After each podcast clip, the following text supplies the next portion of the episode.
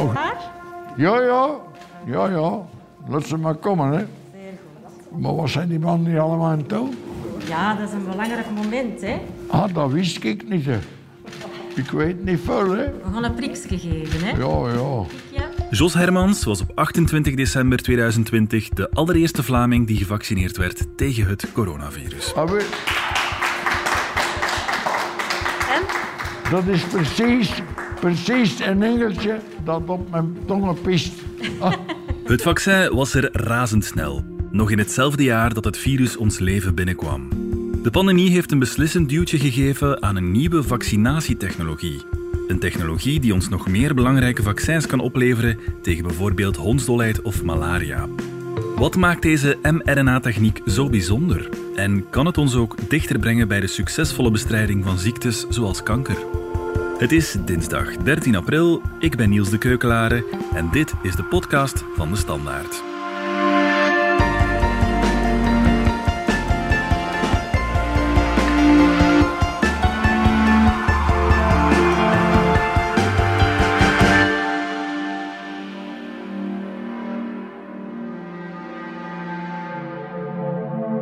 Hilde van den Einde van onze wetenschapsredactie. Je hebt me op de redactie ooit eens verteld dat we geluk gehad hebben. Als de corona-epidemie ons vijf jaar eerder was overkomen, dan zouden we nooit zo snel een vaccin gehad hebben. Wat bedoelde je daarmee?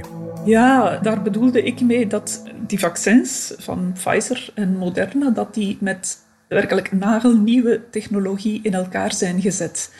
En ehm, als die eh, pandemie vijf jaar eerder was uitgebroken, dan zou die technologie helemaal nog niet op punt hebben gestaan en dan zouden we niet binnen het jaar eh, die vaccins hebben gehad. Want je moet weten, dat is werkelijk een recordtijd. Dat is lichtsnelheid vergeleken bij hoe snel vaccins anders in elkaar worden gezet. Gemiddeld duurt dat eh, 10 jaar, 15 jaar Ja. voor een nieuw vaccin op de markt komt. En nu hadden we binnen de 11 maanden twee vaccins tegen COVID-19. Dat is Ja, werkelijk ja, ja. onuitgegeven. Uh, it is uh, a great day for science. It is a great day for humanity when you realize that uh, your vaccine has a 90% effectiveness. I think we can see light at the end of the tunnel. Ja, dat was Alberta Bourla, de CEO van Pfizer. Ja. Hilde, het gaat hier over de mRNA-technologie en de mRNA-vaccins. Is dat dan een nieuwe manier van vaccineren? Ja, dat is een eh, gloednieuwe manier van eh, vaccineren. Tot op het moment dat die twee COVID-vaccins van Pfizer en Moderna op de markt kwamen, was er nog nooit eerder eh, met die technologie een, eh, een vaccin ontwikkeld. Ehm, dus dat is werkelijk spitstechnologie. Ja, Hilde, kan je een poging doen om het uit te leggen? Hoe werkt dat nu, zo'n mRNA-vaccin? Je kunt het misschien nog het best vergelijken met een, een paard van Troje. De oude vaccins, de, de klassieke manier waarop we vaccins maakten, daarbij spoten we gewoon het virus in waartegen we mensen wilden vaccineren.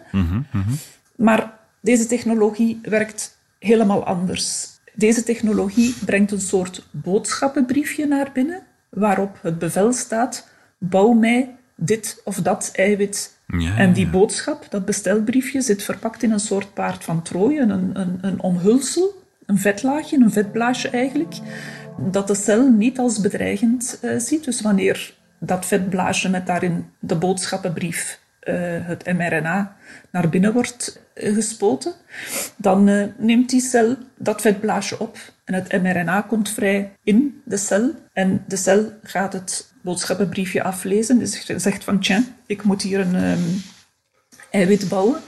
En die begint dat eiwit te bouwen. En in de praktijk is dat dan een eiwit dat heel typerend is voor het coronavirus dat COVID veroorzaakt.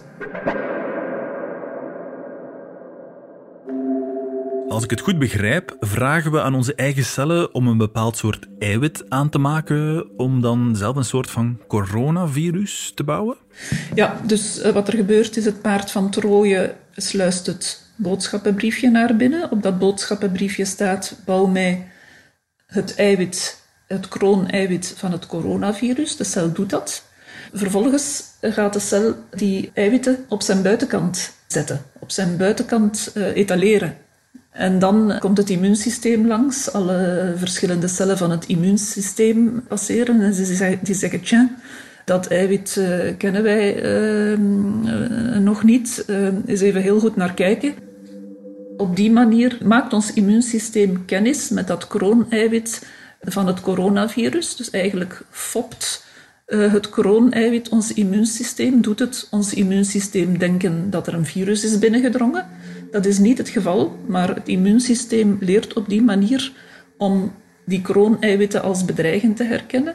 Dus op het moment, later, dat een gevaccineerde tegen zo'n echt uh, coronavirus aanloopt, zeggen die immuuncellen van ho, ho, ho, um, dit hebben wij eerder gezien, um, alle hens aan dek, wij gaan dit uh, virus vernietigen.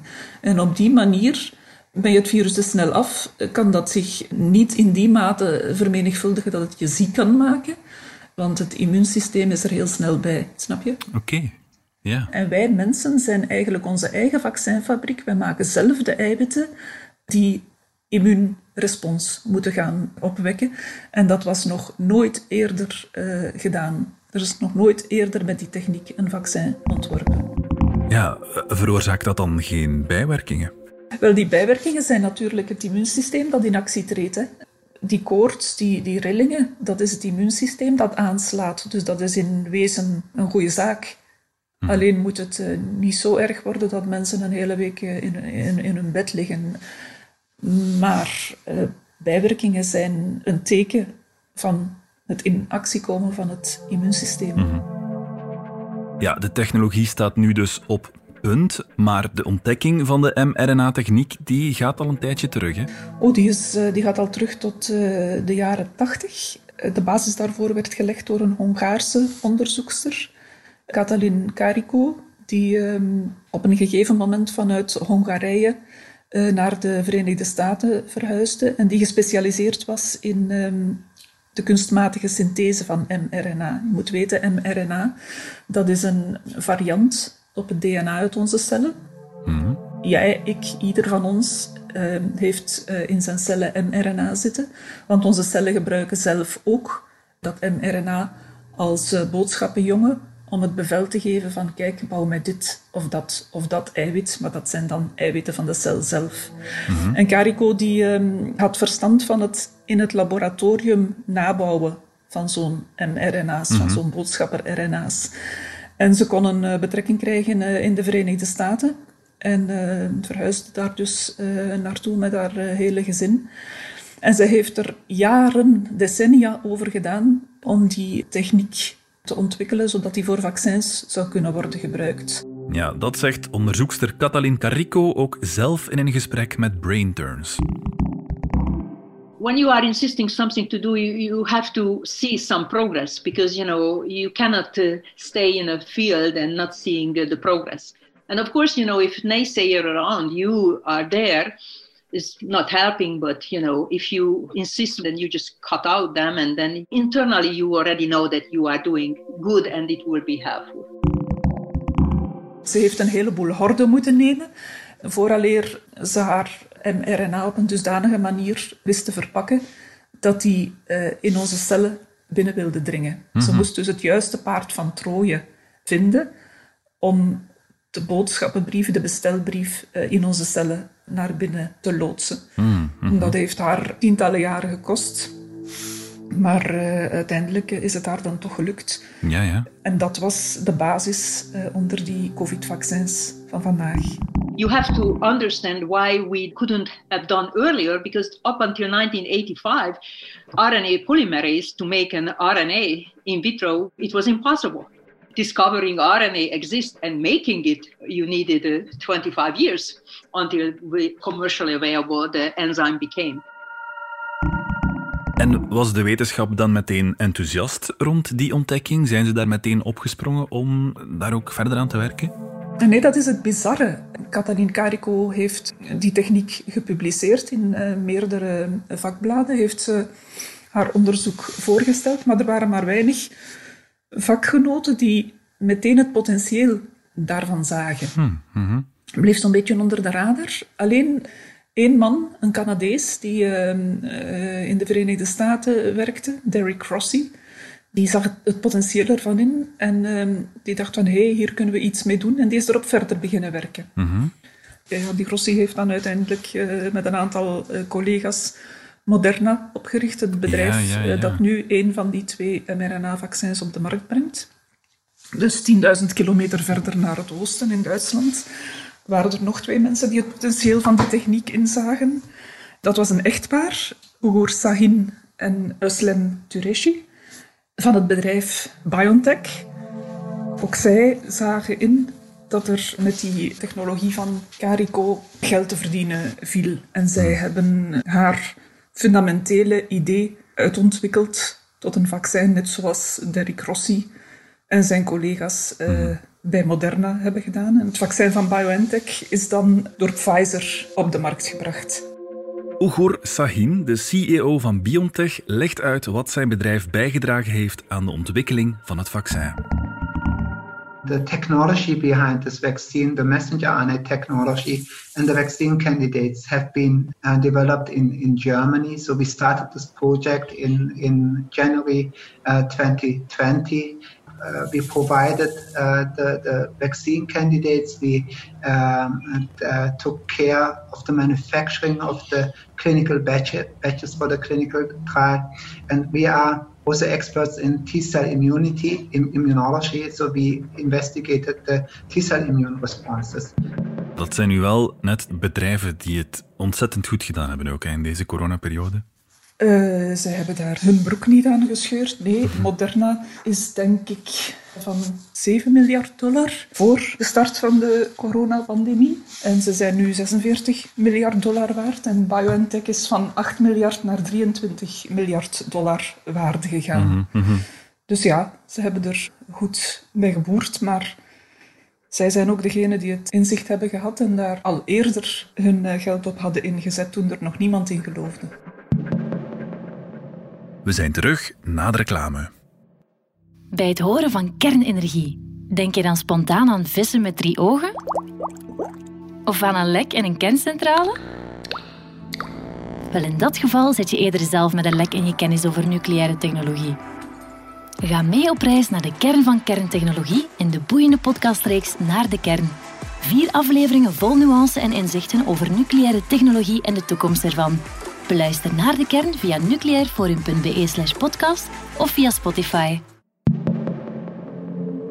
Ja, en toch wat extra eer ook nu voor Katalin Carico, want zij krijgt de Nobelprijs.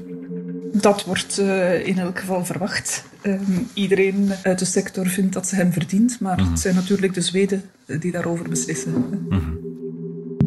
Stefan Bancel, de CEO van Moderna, legt uit dat die mRNA-techniek nog heel wat potentieel heeft. Uh, we have a platform. mRNA is an information molecule. Now we have six more vaccines in development. Uh, we're going to start another phase three uh, in 2021 against CMV, cytomegalovirus. It's the number one cause of birth defect in this country. 10,000 kids per year are born with birth defect because their mom got infected during pregnancy. And then, as we said recently, we're going to go into flu, looking at the strong data we got in the elderly. As you know, efficacy of flu vaccine varies between 30 and 60 percent. Uh, we think the world needs a better flu vaccine, and we're going to work really hard to get that to the world. Ja, ze willen bijvoorbeeld een beter griepvaccin ontwikkelen. Hilde, het blijft niet enkel in de strijd tegen het coronavirus. Hè? Ja, deze technologie is behalve voor COVID natuurlijk ook uh, toepasbaar voor andere infectieziekten. Mhm. Er gebeurt uh, op dit moment onderzoek naar vaccins tegen hondstolheid, tegen HIV ook, een moeilijke ziekte waar we nog altijd geen vaccin tegen hebben. Malaria ook. Ook Mhm. een uh, vaccin waar al lang naar wordt gezocht en dat nog altijd niet gemaakt is kunnen worden. Mhm. Ja, de vraag is natuurlijk hoe groot zal de druk zijn van de maatschappij en, van, van, en, en hoeveel geldschieters zullen bereid gevonden worden om hun geld daarin te steken. Want bij COVID was de nood zo hoog dat meteen alle overheden, alle filantropen, alle donateurs samen hebben gewerkt om zo snel mogelijk een COVID-vaccin op de markt te krijgen. Of die urgentie er ook is voor malaria eh, of voor HIV. Dat zijn uh, ziektes die dan toch vooral arme mensen uh, treffen en niet de mensen in het rijke Westen. Mhm. Dat is de vraag. Ja. Ja, en zijn er naast infectieziekten nog andere toepassingen van de mRNA-techniek? Jazeker, maar die staan minder ver in hun ontwikkeling. Wat je er ook mee kunt doen, is kankervaccins maken. En dat zijn dan geen uh, vaccins die uh, kanker voorkomen, maar mhm. wel uh, vaccins die de ziekte behandelen, die de ziekte proberen te genezen. Okay, dan ja. um, schuif je in kankercellen een typerend eiwit van die tumor naar binnen, vanuit het idee dat het immuunsysteem daar dan tegen in het verweer zal komen dat het immuunsysteem meteen ook die tumorcellen gaat aanpakken. Mhm. Daar um, lopen meerdere studies naar. Er is bijvoorbeeld een Belgisch bedrijf, Eterna, dat daar onderzoek naar doet. Maar ook Moderna zelf natuurlijk en BioNTech uh, zitten volop in dat onderzoeksgebied. Mhm. Ik geloof leukemie is een, een, vorm van kanker waartegen die kankervaccins worden beproefd. Mm Nierkanker ook, baarmoederhalskanker. Er zijn een aantal uh, lopende experimenten. Maar die vaccins zijn dus nog niet op de markt, anders dan de COVID-vaccins. Ja, ja, ja. Het is een nieuwe techniek. Kunnen we de gevolgen, de eventuele gevolgen op lange termijn daarvan inschatten? Ja, de techniek is wel nieuw, maar mRNA in de cel is helemaal niks bijzonder. Onze cellen zitten barstensvol met uh, mRNA, want dat is nu eenmaal uh, de taal die onze cellen gebruiken mhm. Om lijstjes mee af te leveren en om cellen aan te geven dat ze bepaalde eiwitten moeten bouwen. Dus dat daar een mRNA langs buiten wordt ingeschoven. Dat van buitenaf inschuiven is nieuw, maar mRNA in de cel is niet uh, bijzonder. Dus op zich denk ik niet dat daar vreselijke scenario's bij zijn te schetsen. De COVID-vaccins van Pfizer en Moderna gebruiken juist een heel natuurlijke techniek om onze cellen mee aan te zetten, om eiwitten te bouwen waartegen dan de immuunafweer geprikkeld wordt. Ja, begrijp je dat, dat sommige mensen daar toch argwanend tegenover staan? Ja, ik begrijp dat, maar dat is dan een, een argwaan vanuit onwetendheid, denk ik, die met informatie kan worden weggenomen. Hmm. Ik zou ook willen erop wijzen dat de, de vaccins die met klassieke technologie worden gemaakt, zoals vaccins tegen, tegen griep of tegen mazelen, tegen bof, tegen rode hond, daarbij worden volledige virussen ingespoten. Die virussen worden dan ofwel gedood ofwel kunstmatig verzwakt. Maar daar kun je jezelf ook vragen bij stellen. Hmm. Ook bij de, de aanmaak van die vaccins moeten er echt heel strikte veiligheidsprotocols worden eh, gevolgd. En, en, en, is er een heel strikte kwaliteitscontrole. Want ook daarbij kunnen in theorie dingen misgaan. Als je zo'n uh, mazelvirus dat je voor een vaccin wilt gebruiken, als je dat niet uh, voldoende verzwakt of doodt en er blijven een paar levende virussen in zo'n vaccin achter, ja, dan kunnen gevaccineerden daar ziek van worden. Dan kunnen die daar de mazelen van krijgen.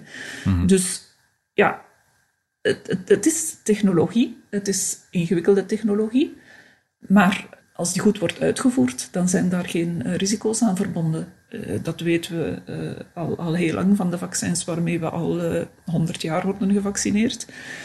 En dat geldt ook voor die nieuwe vaccins met een nieuwe technologie. Maar ik begrijp mensen die niet precies weten hoe zo'n vaccins gemaakt worden, dat die zich daar vragen bij stellen. Hmm. Dat wil niet zeggen dat die vragen niet te beantwoorden zijn. Hilde, moeten we corona nu dankbaar zijn omdat het virus de ontwikkeling van een nieuwe generatie vaccins een beslissend duwtje heeft gegeven? Ja, het is natuurlijk moeilijk om te zeggen dat je een, een eh, pandemie die miljoenen uh, mensen het leven heeft gekost, dat je die dankbaar moet zijn. Maar het is wel een beetje wrang natuurlijk dat een technologie die zo beloftevol was, dat die pas tot volle wasdom uh, kan komen als er een, een crisis uitbreekt. Dat pas dan geld wordt gevonden om die het laatste zetje te geven. Dat pas dan overheden bereid zijn om hun ehm, regelgevende uh, mechanismen een beetje sneller te doen werken, zodat uh, er geen tijd verloren gaat met bureaucratie, hm. vooraleer zo'n vaccin op de markt kan komen. Hm. Maar ja, inderdaad, de, de, de coronapandemie heeft een beslissende rol uh, gespeeld in de doorbraak van deze technologie. Ja. Oké, okay. Hilde van den Einde, dankjewel. Alsjeblieft. Dit was de podcast van De Standaard. Bedankt voor het luisteren. Wil je reageren? Dat kan via podcast.standaard.be. Alle credits vind je op standaard.be-podcast. Morgen zijn we er opnieuw.